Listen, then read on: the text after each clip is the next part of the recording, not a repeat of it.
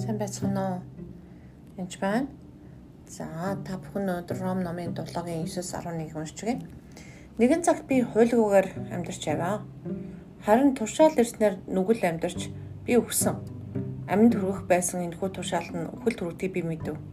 Учир нь нүгэл тушаалаар шалтгаалж намайг мэхэлсэн бөгөөд намайг тушаалаар алсан гэж. Тэр энэ нэшлийг унших юм бол ойлгох гэж хэцүү байгаа ч. Тэгэхээр Миний манай хүн надад тайлбарлаж өгсөй би та нарт тайлбарлаж өгье гэж бодсон юм л да. Дүний тайлбарл минийхээс хамаагүй дээрээс учраас. Тэгэхээр ээжээ энэ юу гэсэн үг юм бэ гэхээр бид нар хууль дүрмийг сагтаг байхад хуулийн дотор байх юм бол тэр нь зүгээр харин хууль ирснээрээ нүгэл үлдэх юм бол бид нар хуулийн гадуур орчдөг. Ингэснээр бид одоо үхэх ялд онж байгаамаа гэж хэлсэн л дээ. Тэгэхээр би дээр нэмээд өөрөөр тайлбарлая л да. Аа тэгэхээр бид нар цаг тоглож байгаа гэж бодъё альва дүрмтэй байх юм бол тэд нар биднийг хамгаалдаг ба. Гэвтэл бид нар шугамын цаан ч юм уу гадаг гიშх юм бол бөмбөгөө хуруулгаж алдаж нөгөө талдаа бөмбөгөө хуруулгадаг л та.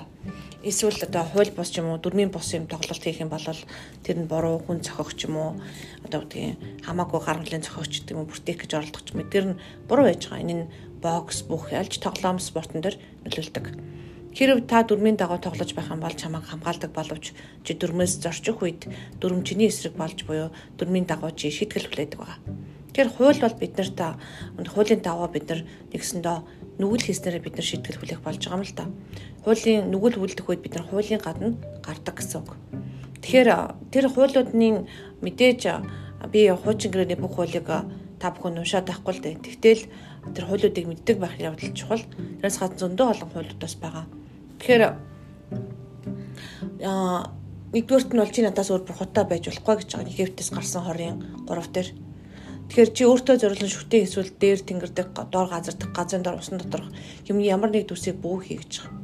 Чи тэдэнд мөргөөж тэдэнд үйлчилж болохгүй. Учир нь чиний бурхан эзэн би бол хартаа бурхан бөгөөд намайг үзээдэгчдийн 3 4 дэх үеийн үед үеийн хүүхдүүдэд нь хүртэл эцгүүдийнх нь нүглийн шийтгэлийг болгодаа гэсэн. Тэгэхээр бид нар хуулийн гим нүгэл үлдэх үед бид нар нэгсэндээ эсвэл тоглоомоос гадуур тоглох үед торгуул торгуул авдаг. Торгуул авсараа бид өнгөө алддаг юм уу эсвэл оноо алддаг ч юм уу тийм байдаг л да спортон дээр. За жишээлбэл цагдаа бол биднийг хамгаалах гэж байдаг л да. Гэтэл яг үүндээ хур төтрүүлэх үед замын цагдаа бидний эсрэг чимшиг санагдаж эхэлдэг. Баригдах үед уурлаал, гомдоол ч юм уу тэгээд новш гэж цогтоод байдчихлаа, буудуулчихлаа ч гэдэг юм хийж хэлдэг л да. Ингээд нөгөө торгуул авдаг байгаа. Угандаа хурд төтрүүлэхгүй явж исэн бол айгаад ах явдлаа хгүй харин ч тэр хурдны дүрм маань галзуу хачин нэг хүн хажуугаар чинь дахиад чамайг алчихгүй уг нь чамайг хамгаалж байгаа дүрмэлтэй. Гэтэл та нөгөө дүрмийнхээ эсрэг болох үед энэ бүхэн явж байгаа.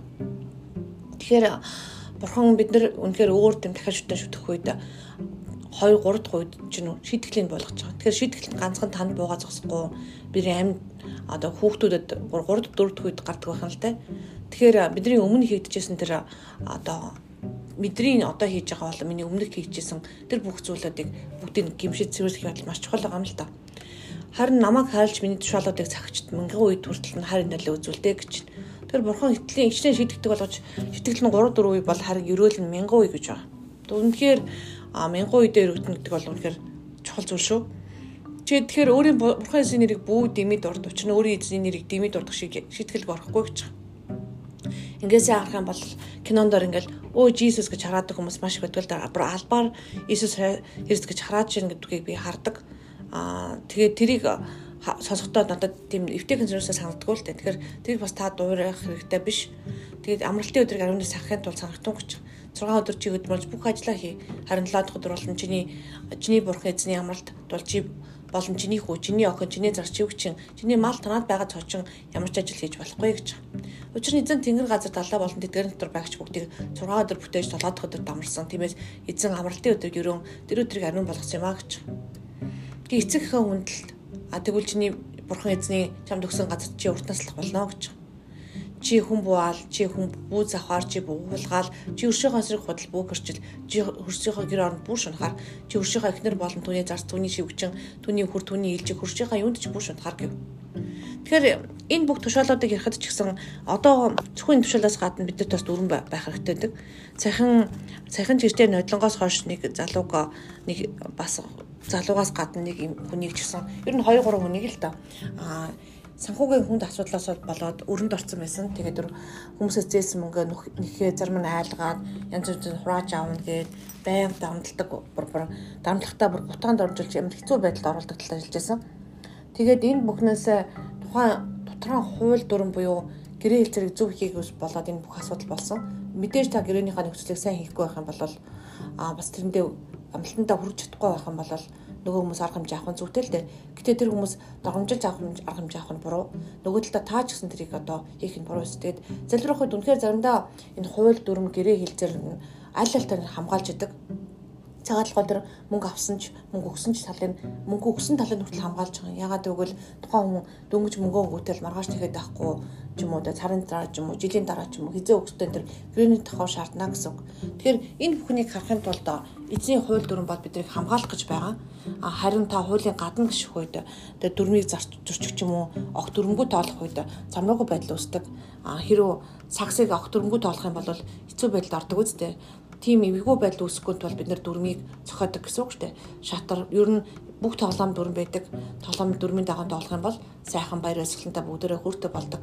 Харин дүрмийн бус тоглох бол бид нэр уур уцаартай эсвэл гомдсон бие биендээ тунсан бүх асуудал болж урддаг шүү дээ.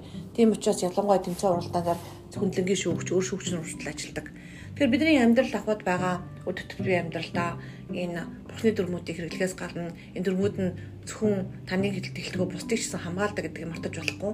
Тэгэхээр бити бас өгөөсгөрөө бурхны хийсэн хэлсэн дүрмүүдийг тэгэхээр эндээс сайн бодоод би бол сүүлийн өдрүүдэд юу гэж залбирч байгаа гэхээр энэ 10 хуулийг зөрчснөөс болж үзсэн тэр хараалх 3 4 дэх үед минь үүсгэсэн тэр бүх юмыг үнээр зайлуулж өгөөч. Бидний би бол миний өвгдөөс төвлөсөн тэр 3 4 дэх үед үлдсэн тэр бүх гим нүглийг одоо үнээр гимшиж үнэцэн дан Христэнд тэр хараал байхгүй гэсэн та цэвэрлэж өгөөч гэж үнээр залбирч байгаа тэр нь бол үнэхээр чухал зүйл. Аа тэгээд бид нар саатаа самшгүй үйлцэн гэм нүглөдөж байж магадгүй. Аа нөгөө талдаа та бас амьдрал дээр өөрийн гэсэн баундари буюу тэр хууль дүрмийг бас бодолцоороо тэр нь таныг хамгаалах гэж байгаа боловч нөгөө талдаа таны эсрэг болчиж магадгүй. Тэгэхээр та тэр юу гэсэн үг юм бэ гэхээр хамтаа тэрийг одоо зураас гიშгсэн гэсэн үг. Загсаар бол зураас гიშгүүд бөмбөгөө алдах, эсвэл торгуул тогтоох янз янзын болдог шүү дээ. Тэрэнд үүнтэй адилхан зүйл. Тэгэхээр дэлхийн амьдрал дээр ч гэсэн дэлхийн хууль дүрмүүд бас байдаг. Тэрийг та зөрчсөн бол ямар нэгэн үр дагавар хичнээн бурхан училсан ч гэсэн байдаг ба. Тийм учраас тэрнээс үлдсэн юмнуудыг тэгхүүн тулд бас эзнээс мэрэгэн ухаан гуйж, эртгэн болгоомжтой байж, анхааралтай байхгүй бол болохгүй. Аа тэгээд би янз янзын хүмүүстэй нэлээд залбирч байсан. Ах ч хоёр ах бүр төрсөн ах トゥ хоёр хоорондоо муудалцаад нэг нь нөгөөхөө өвийг булаагаад авчихсан. Яхаа мэдгүй залбируулж байсан хүмүүс хүртэл байсан аав нь өвчтөй болчихсон. Тэгээд хөрөнгө хувааж чадахгүй байх гэсэн ч юм уу. Ер нь л маш хэцүү хэцүү одоо эдермети хэсгүүд дээр байгаа юм л да. Тэгээд зүртгэл нь одоо 10 жил хоёулахнаа байгаа мөртлөө нэг нэгнийхээ хамаг юм хөргөө хөрөнгөний хураагаад авчихсан хүмүүс хүртэл байж байсан. Тэгэхээр энэ эдийн засгийн маргаан а бусад маргаанууд ч гэсэн ялангуяа төрөнгөтэй холбоотой гэрлээ цалалтай холбоотой элдв асуудал дээр бас ер нь бол ганцхан одоо дэлхийн амьдралаас гадна сүнслэг хүлээсүүд сүнслэг асуудлууд ч гэсэн зөндөө байдаг байгаа. Тэр бүхэнд бас мэрэгүү ухаантай харьцаасаа гэж үсэж. Тэгээд тэр тэгжсэн бол гимшиг залбираас гадна чөлөө залбираад бас үр дагавраас нь чөлөөлж өгөөч гэж хэлэх хэрэгтэй. Тэгээд та өөрийгөө хамгаалсан бас үйлүүдийг бас гаргаж байгаараа болгоомжтой бодож үзээрэй. А тэгээд ер нь бол амьдралд одоо маш хэцүү хизэж бодоогүй тухай болохгүй дэ гэж хэлсэн хүртэл юм болцсон байгааг би анзаарч залбирж байгаа сүүлийн үедээ тэгээд би бүр эцэс энэ ямар цаг үед бид нар амьдарч байна гэж сүүлийн үед хүртэл би асуусан. Ямар цаг үед амьдраад төрсэн ах トゥ н төрсэн аав ээж нь хүртэл хүүхдийн хасраг болж байгаа ийм хэцүү үед би амьдрна вэ?